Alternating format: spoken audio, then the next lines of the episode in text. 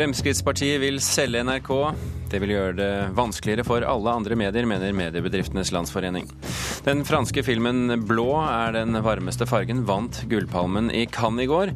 Og Vinjerockfestivalen i Jotunheimen skaper nye arbeidsplasser.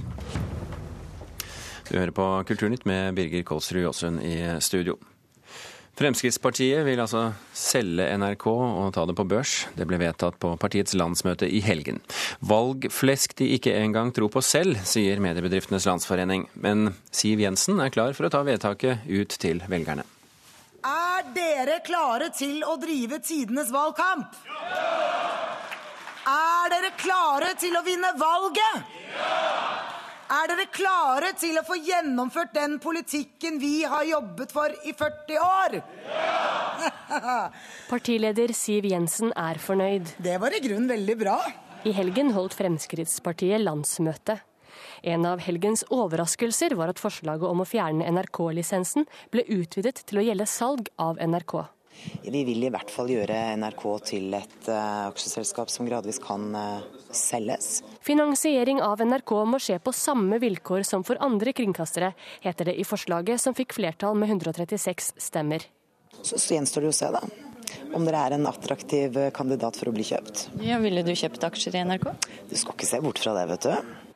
Håper vel å fortelle at uh, lisensregningen skal de fjerne fra det norske folk, men hvis de tenker mediepolitisk og kulturpolitisk og språkpolitisk, så er jo dette et forslag som vil gjøre vondt verre for alle.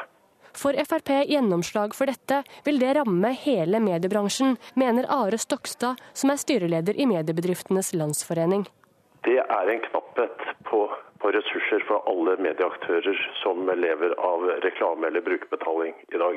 Digitaliseringen snur opp ned på vante finansieringsformer. Hvis man skulle da følge opp eh, Fremskrittspartiets forslag og la også NRK bli en storaktør innen dette med mediemarkedet, så ville det gå utover eh, de aktørene som i dag bringer mangfold ved siden av NRK, som de store avisene, som lokalavisene, som TV 2, som P4 etc. Han syns forslaget minner om valgflesk. Det er et gjenkjennelig Frp-forslag som jeg tror de egentlig ikke tror på fornuften av selv. Hele Fremskrittspartiets program kommer til å være viktig når vi setter oss, hvis vi vinner valget og setter oss ned og forhandler med de andre partiene. Eh, så gjenstår det å se hva vi får gjennomslag for. Det sa Siv Jensen. NRKs ledelse har foreløpig ikke villet kommentere Fremskrittspartiets forslag. Reportere her det var Astrid Randen og Ina Strøm. Ib Thomsen, kulturpolitisk talsmann for Fremskrittspartiet. Hvorfor er det en god idé å gjøre om NRK til et aksjeselskap? Vi mener jo at eh, ordningen som er i dag, altså med TV-lisens, er gammeldags. Den er urettferdig, den er konkurransevridende. Og nå ser vi at eh, man også har mulighet for å legge lisens på lesebrett, PC-er, telefoner. Og da mener vi jo at eh, det er jo ikke sikkert alle som har TV, eller som har lesebrett, eller som har PC, ser på NRK. Derfor mener vi at den bør gjennomgås. Hvordan ser du for deg at dette skal gjennomføres? Nei, De andre borgerlige partiene har vel også sagt det. Kulturdepartementet har vel sagt at lisensordningen skal gjennomgås. Vi ser hva de har gjort i Sverige. De har jo lagt lisens på akkurat dette med lesebrett og PC-er. Så helt naturlig at man har en gjennomgang nå. Men hvordan ser du for deg at den skal gjennomføres? Lisens... Nei, eh, Å gjøre NRK til et aksjeselskap? Nei, nei, det er jo det man bør vurdere, å ha en gjennomgang. Og når alle de borgerlige partiene sier det nesten det samme, så, så, mener jeg at tiden er inne for det. Spesielt når vi ser også at man nå har mulighet for å legge dette på, lisens, eller på PC og lesebrett, så, så kan det slå uheldig ut og være konkurranse. Men det at man går, har en gjennomgang av NRK, vurderer at noe kan legges ut til aksjeselskap eller hele NRK, eller eller at eh, man finner ut at kanskje NRK ikke skal drive med, med, med produksjon av filmer, eller ha et eget eh, orkester, så, så, er det en gjennomgang som jeg mener NRK bør ha, og Kulturdepartementet. Men Kulturdepartementet har jo også sagt at de ønsker nå å ha en gjennomgang på dette. her, Så, så kontroversielt med dette her, det kan jeg ikke se at det er. Jeg mener at det er en helt naturlig utvikling. Kulturminister Hadia Tajik, eh, syns du dette er en naturlig utvikling? Altså, Jeg registrerer at uh, Ib Thomsen modererer vedtaket fra landsmøtet. Altså, Vedtaket der handler vel om at man vil selge NRK, at man vil fjerne lisensen. De han her snakker om å gjennomgå lisensordningen. Og jeg mener jo, jeg, altså, Vi kan jo være enige om tror jeg, bredt tverrpolitisk at det er viktig å ha en lisensordning som fungerer best mulig. Og Derfor så er jeg glad for at 70% av befolkningen mener at lisensordningen fungerer, altså er kjempefornøyde med den. De mener de får valuta for pengene ved at man man har en lisensordning. Men jeg mener at eh, altså det vil være interessant å diskutere med Fremskrittspartiet eh, hvordan de har tenkt å gjennomføre dette salget av NRK. Hvilke konsekvenser de ser for seg at det vil få for hele det norske mediemarkedet. Altså NRK eh, i dag eh, de eh, altså tilsvarer omtrent en sånn 5 milliarder kroner. Hvis NRK skulle ut på annonsemarkedet, så ville det forrykka hele det norske medie, medielandskapets annonsemarked. For legger du sammen de annonsene som TV, som radio, som internett internett drar inn, så er, det fortsatt ikke i nærheten av det som NRK tilsvarer. Så konsekvensene av det som Ib Thomsen her foreslår, er nesten umulig å overskue, annet enn at man ser at det vil være veldig dramatisk. Og hvem som vil være kjøperen av et NRK som man da har tenkt å sende, legge ut på salg, det er òg eh, en gåte for de fleste av oss. Kulturdepartementet kan jo legge inn bud, eventuelt. Eller eh, Ib Thomsen, eh, har dere gjennomført en konsekvensutredning i forkant av dette forslaget, eller kommer den nå? Nei, den bør jo komme nå. Man ser jo at eh, TV 2 har jo en sånn kombinasjonsløsning. At man har inntekt på reklame, og man har inntekt på at man selger seg selv over kabelnettene. Så, så det finnes jo mange løsninger her, så, så, jeg mener at vi bør være åpne for det.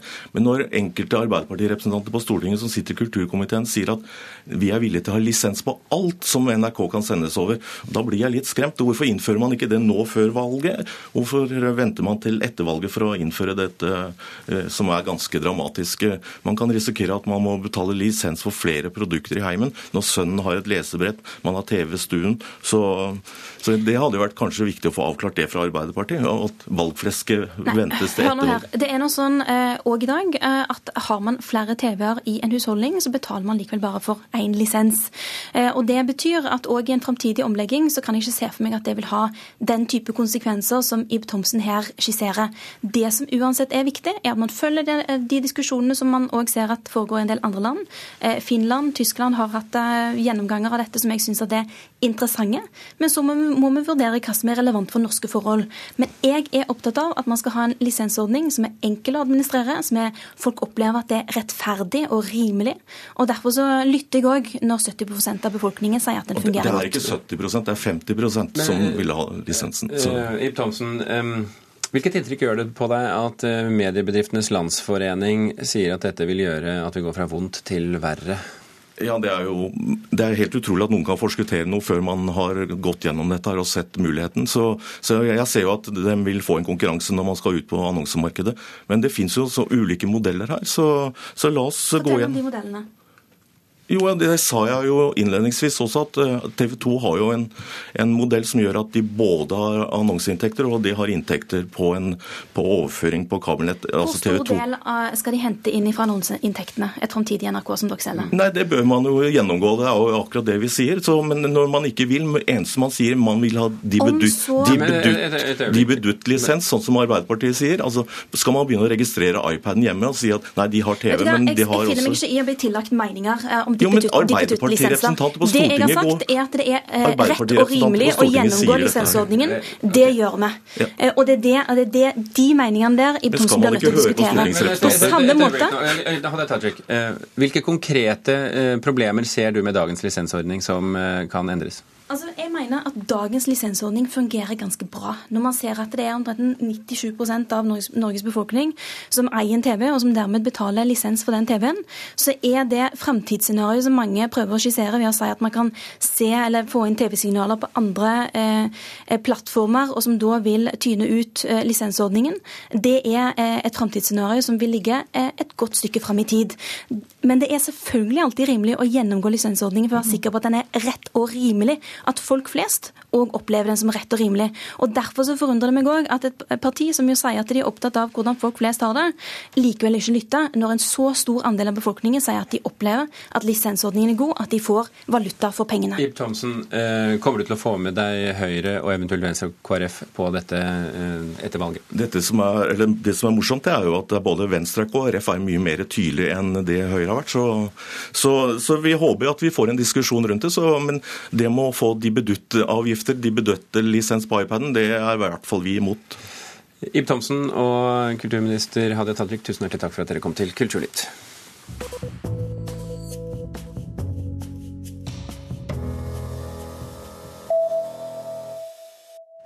Antallet salgssteder som rapporterer CD-salg til VG-listen er bare en brøkdel av det VG og plateselskapsorganisasjonen IFPI oppgir. Når listen trykkes, står det at den er basert på 100 fagforhandlere og 300 bensinstasjoner og deres rapporter, ukentlige rapporter når det gjelder salg av CD-er. Men i virkeligheten er det bare platekompaniets 26 butikker som gjør dette regelmessig, skriver Dagens Næringsliv i dag. VGs listeansvarlig, redaksjonssjef Arnstein Johansen, beklager og sier at det er en gammel krediteringstekst som har blitt eh, hengende igjen. Festspillene i Bergen sin status som knutepunktfestival er under evaluering. Norsk kulturråd har bl.a. fått i oppdrag av Kulturdepartementet å vurdere hvor godt Festspillene fungerer som spydspiss for kunstnerisk nyskaping. Det forteller nestleder Arnfinn Bjerkestrand, som er til stede i Bergen under Festspillene i år. Vi skal først og fremst uh, vurdere den kunstneriske kvaliteten i forhold til om man er nyskapende, om man er ledende i forhold til sine sjangre, og om hvordan man da bruker sine roller som festival. Det er jo en flora av festivaler i, i Norge nå, motsetning til f.eks. da festivalen ble etablert. Det er også et, Man henvender seg til et internasjonalt marked, og det er spennende å se hvordan man er i konkurranse med de internasjonale, f.eks. de store tyske festivalene. Sånn at uh, Vi prøver å forsøke å se om man ivaretar dette oppdraget på en god god måte. Og sett i tråd med de ressursene, og de er jo ikke ubetydelige, som stilles til rådighet for Festspillene i Bergen. Den eh, norske solistpris ble søndag tildelt den svenske bratsjisten Ellen Nisbeth under Festspillene i Bergen. Prisen var i år åpen for alle de nordiske landene, og deltakerne var plukket ut av de største symfoniorkestrene i hvert land. Som vinner av utmerkelsen som Nordens største solisttalent får Nisbeth 100 000 kroner i prispenger. Klokken er 17 minutter over åtte. Du hører på Kulturnytt, og dette er toppsaken i NRK Nyheter akkurat nå. Oljefondet får krass kritikk fra Organisasjonen for samarbeid og utvikling, OECD. Fondet nekter å samarbeide, ifølge ny rapport, men oljefondet hevder de samarbeider. 200 saker skal behandles av Stortinget før ferien. Opposisjonen frykter uforsvarlig saksbehandling.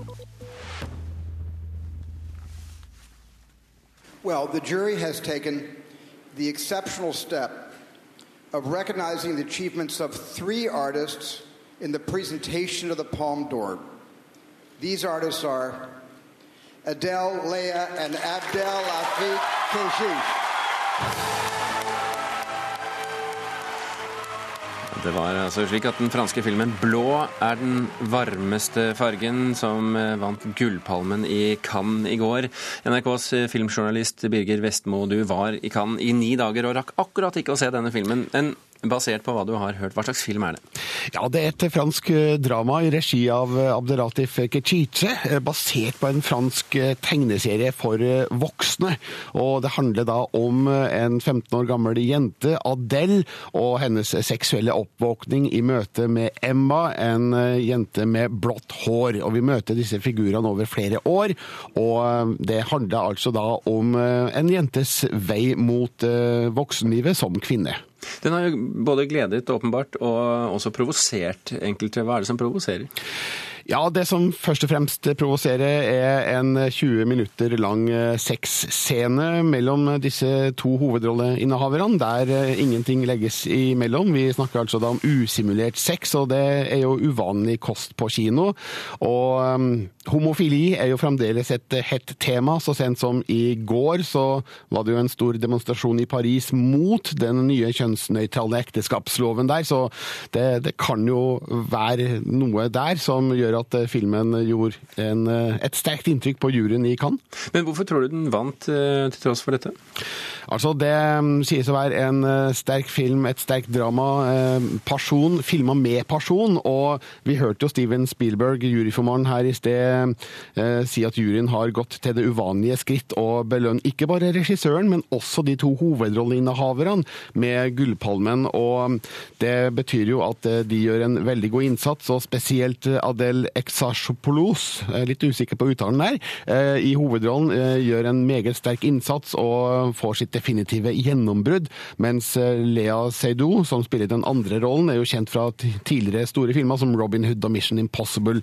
Men disse to gjør altså da en fabelaktig innsats mot hverandre, og det har de blitt belønna for til gangs i Cannes. To andre som eh, også ble belønnet, det var Berenice Bejo som vant eh, for beste kvinnelige hovedrolle, og Bruce Dern for beste mannlige. Eh, er dette noe som overrasker deg, eller er det sånn det måtte bli? Ja, igjen, Bruce Derns rolle i Nebraska det kom for seint for min del i Cannes-festivalen. Men Berenice Bejo gjør en sterk rolle i Askar Faradis film 'Fortiden'. Hun spiller da en kvinne i Paris som får besøk av sin ektemann fra Iran som hun skal skille seg fra. Eh, og det fører til flere komplikasjoner i forholdet til hennes nye kjæreste. Og dette er et sterkt drama som vi også får se på norske kinoer senere i år. Og det er ikke, det er ikke overraskende at Berenice Bejo, kjent fra The Artist først og fremst, eh, mottar eh, en, en pris i Cannes for sin innsats her. Apropos det, Birger Vestmo. Hvilke filmer fra Cannes i år er det som kommer til Norge? Ja, det er opptil flere. Nå, nå, er det ikke slik at det nødvendigvis betyr norsk kinodistribusjon at man deltar i hovedprogrammet i Cannes, men eh, det skjer med opptil flere filmer i år. Altså Blå er den varmeste fargen, og Fortiden. Den, eh, disse filmene er i, i, kjøpt inn av den norske distributøren Arthouse og får da premiere i løpet av året. Og det samme gjelder eh, Kåre Edas nye film 'Like Father, Like Son', som fikk juryprisen i, i Cannes, i regi av Kore Eda Hirokatsu, altså. Hva begeistret deg mest i Cannes i år, Vestmo?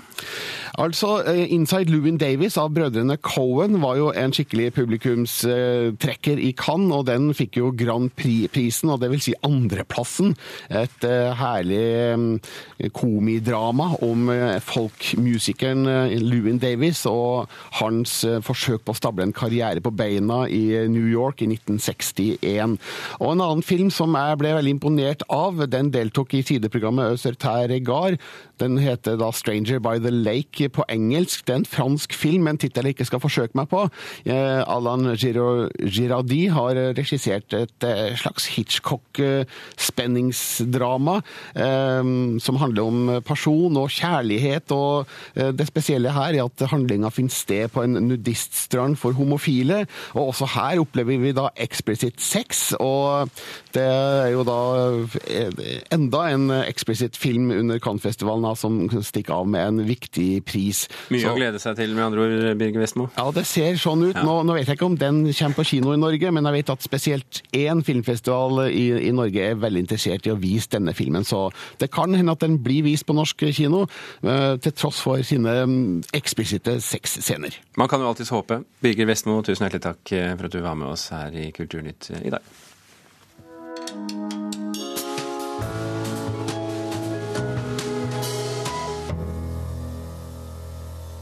Med bøker som eh, 'Kjønnsskrift' og 'Mor-datter' etablerte Karin Moe seg som en ledende skikkelse blant de mer avantgardistiske norske forfatterne på 80-tallet. Etter en eh, lang pause vendte hun tilbake med essaysamlingen 'Skrifter', og viste med den at hun er en av Norges ledende essayister, ifølge våre anmelder. Nå foreligger romanen 'Virkeligheten', og den holder ikke samme nivå, mener Knut Hoem. Karin Moe, 80-tallets avantgarde-dronning ja, slik er hun omtalt i det altfor lite påaktede verket Norsk avantgarde, som kom for et par år siden. Etter all sosialismen og realismen på 70-tallet kom plutselig hun her, som både var språkkritisk, erotisk, feministisk, humoristisk og teoretisk på én gang. Yes! Jamført med all denne gnistrende vitaliteten fremstår den nye romanen med tittelen Virkelighet merkelig matt, selv om omslaget er like kult som det var på 80-tallet og på tidlig 90-tall. En hund fører ord i den første delen, Sadok. Og ja, det finnes en ypperste prest med samme navn i Det gamle testamentet. Hvorfor heter han Sadok? Nei, spør ikke meg. Senere dukker også Biliams esel opp. Det eselet som begynte å snakke for å få sin herre og mester til å skjønne at han måtte velge den rette vei. Men eh, hvor vil så Karin Mo med dette? I et par situasjoner oppstår noen morsomme kontraster mellom hundens verden, som jo har rett til å gjøre fra seg i de offentlige rom, mens vi mennesker på to bein gjemmer unna det som blir til overs i rør under jorden, som Karin Mo skriver. Det antydes at det ligger noe implisitt her om forhold mellom privat og offentlig, og det er jo aktuelt nok. Det er mulig det er tegn på en litteraturkritikk i krise, at jeg ikke føler meg kallet til å trenge dypere inn i dette. Men er det i det hele tatt noe mer å hente? Er ikke dette en konseptroman, som det står på omslaget? Og er ikke da selve ideen, altså konseptet, det vi skal interessere oss for, mer enn innholdet? Men eh, hva er ideen? Å navngi en av personene LOL, altså Laughing Out Loud, er jo en god idé hvis man vil gripe tidsånden. Men gjør Karin Mo det? I andre del av denne 108 sider lange boken er vi i fremtiden, nærmere bestemt i 2031. Da slår Mo over fra bokmål til nynorsk og presenterer oss for noen av oppføringene om bokstaven A i Alf Helleviks klassiske norske ordbok som er konservert i et såkalt isolasjonsmonument. Hun kommer ikke lenger enn til ordet abdikasjon, interessant nok, før hun avslutter med et voff. Et nokså slapt voff, forekommer det meg. Det hjelper ikke at det er skrevet med dobbelt V. Sa Knut Hoem om romanen 'Virkeligheten' av eh, Karin Moe. Den årlige musikkfestivalen Vinjerock i Jotunheimen skaper mange nye arbeidsplasser. En rekke nye bedrifter er etablert som følge av festivalen, som startet som et nachspiel-idé i 2006. Jeg jobber i Kosa seg. I innovasjon. Leodesk. Fløten nett. Tyn Filfell Utvikling. Dette er noen av selskapene som er etablert som en følge av Vinjerock. Rockefestivalen som starta som en idé på et nachspiel for sju år siden, trekker hver sommer mellom 3000 og 4000 publikummere til 1060 meter over havet på Eidsbugarden i Jotunheimen. Festivalen har ført til at en rekke nye kulturbedrifter har etablert seg i Vesle Vang i Valdres. Vi driver jo en av Norges eh, største og mest utviklingsivrige festivaler i et distrikt som eh, ikke har det helt store eh, næringslivet rundt seg, så vi må på en måte skape det sjøl. Sier Eirik Høymurogn, som dro i gang Vinjerock og som har dratt i gang Innovasjon, et bygdeutviklingsprosjekt for å skape flere sårt trengte arbeidsplasser til kommunen med snaut 1600 innbyggere. 28-åringen viser oss rundt i det nyoppretta kontorfellesskapet i Vang. Her har nå 19 ansatte i ni ulike kreative og teknologibaserte bedrifter arbeidsplassene sine. Alt det som sitter og røres i miljøet her per i dag, det er jo i kjølvannet av Vinjerock. Foruten å jobbe med Vinjerock, spisser de samtidig kompetansen sin inn mot andre festivaler og arrangementer i Norge. Nei, Det er jo en fantastisk utviklingen som er her nå. Sier Karianne Borchgrevink i Kosaseg, et selskap som spesialiserer seg på arrangementsproduksjon og økonomistyring for store festivaler. Det vi er eksperter i, det er trådløse nettverk. Det ser vi også et marked for til events, altså Vinjerock og andre stevner. Sier Erlend Eggen, daglig leder i TurApp, som utvikler wifi-løsninger for store utendørsarrangementer og lager mobilapplikasjoner for store festivaler. I stedet for å etablere seg i byen, har det lille selskapet valgt det unge innovasjonsmiljøet i Valdresbygda oppunder Jotunheimen. Jeg syns det er en kjedelig utvikling at folk flytter inn til byene, når det egentlig er så mye innovasjonskraft i eh, utkantene. Så det er et veldig bevisst valg fra vår side å legge hovedkontoret her. For eh, Næringshagen, som har en oppgave med å få til innovasjon og innovasjonskraft i Valdres, så er jo dette det mest spennende som har skjedd i Valdres på mange år. Sier daglig leder Erik Fønhus i Valdres næringshage. Arbeidsverksted, starting now. Nå går de unge gründerne i samarbeid med høyskolene i Oppland. Målet er å bli et arnested for framtidas opplevelsesgründere. Og det å koble eksisterende kompetansemiljøer andre steder i fylket, som jo eh, høyskolene representerer, mot det kompetansemiljøet som er her, kanskje spesielt på det her med opplevelsesproduksjon, aktivitet og festivaler, det er jo noe som er veldig spennende å se nærmere på. Sier Ingjerd Thon Hagaseth hos Fylkesmannen i Oppland. Ikke brenn inne med noe. Jeg og Erlend kommer til å hale ting ut av hvis de ikke sier det frivillig. Sier festivalsjef Eirik Rogn. Men er dette selskaper som vil overleve. Jeg har vel veldig god tro på at alle som driver her per i dag, har uh, veldig gode vilkår for å leve godt. At så mange bedrifter og så mye unge mennesker som sitter i et så lite miljø som egentlig Vang er, da, og greier å få fram så mye kraft, det er, helt, det er nesten sensasjonelt. Det er veldig moro. Hittil er det blitt ni nye selskaper og 19 ansatte. Eirik Høime Rogn sier det vil bli flere. Ja, så er det flere på veggen nå, men det er, det er ikke signert ennå, så jeg tør ikke si det høyt. Det ser så langt veldig lovende ut. Reporter Stein S. Eide. Kulturnytt er slutt. Per Ivar Nordahl, Håvard Haugen og Birger Kolsrud Aasund takker for seg.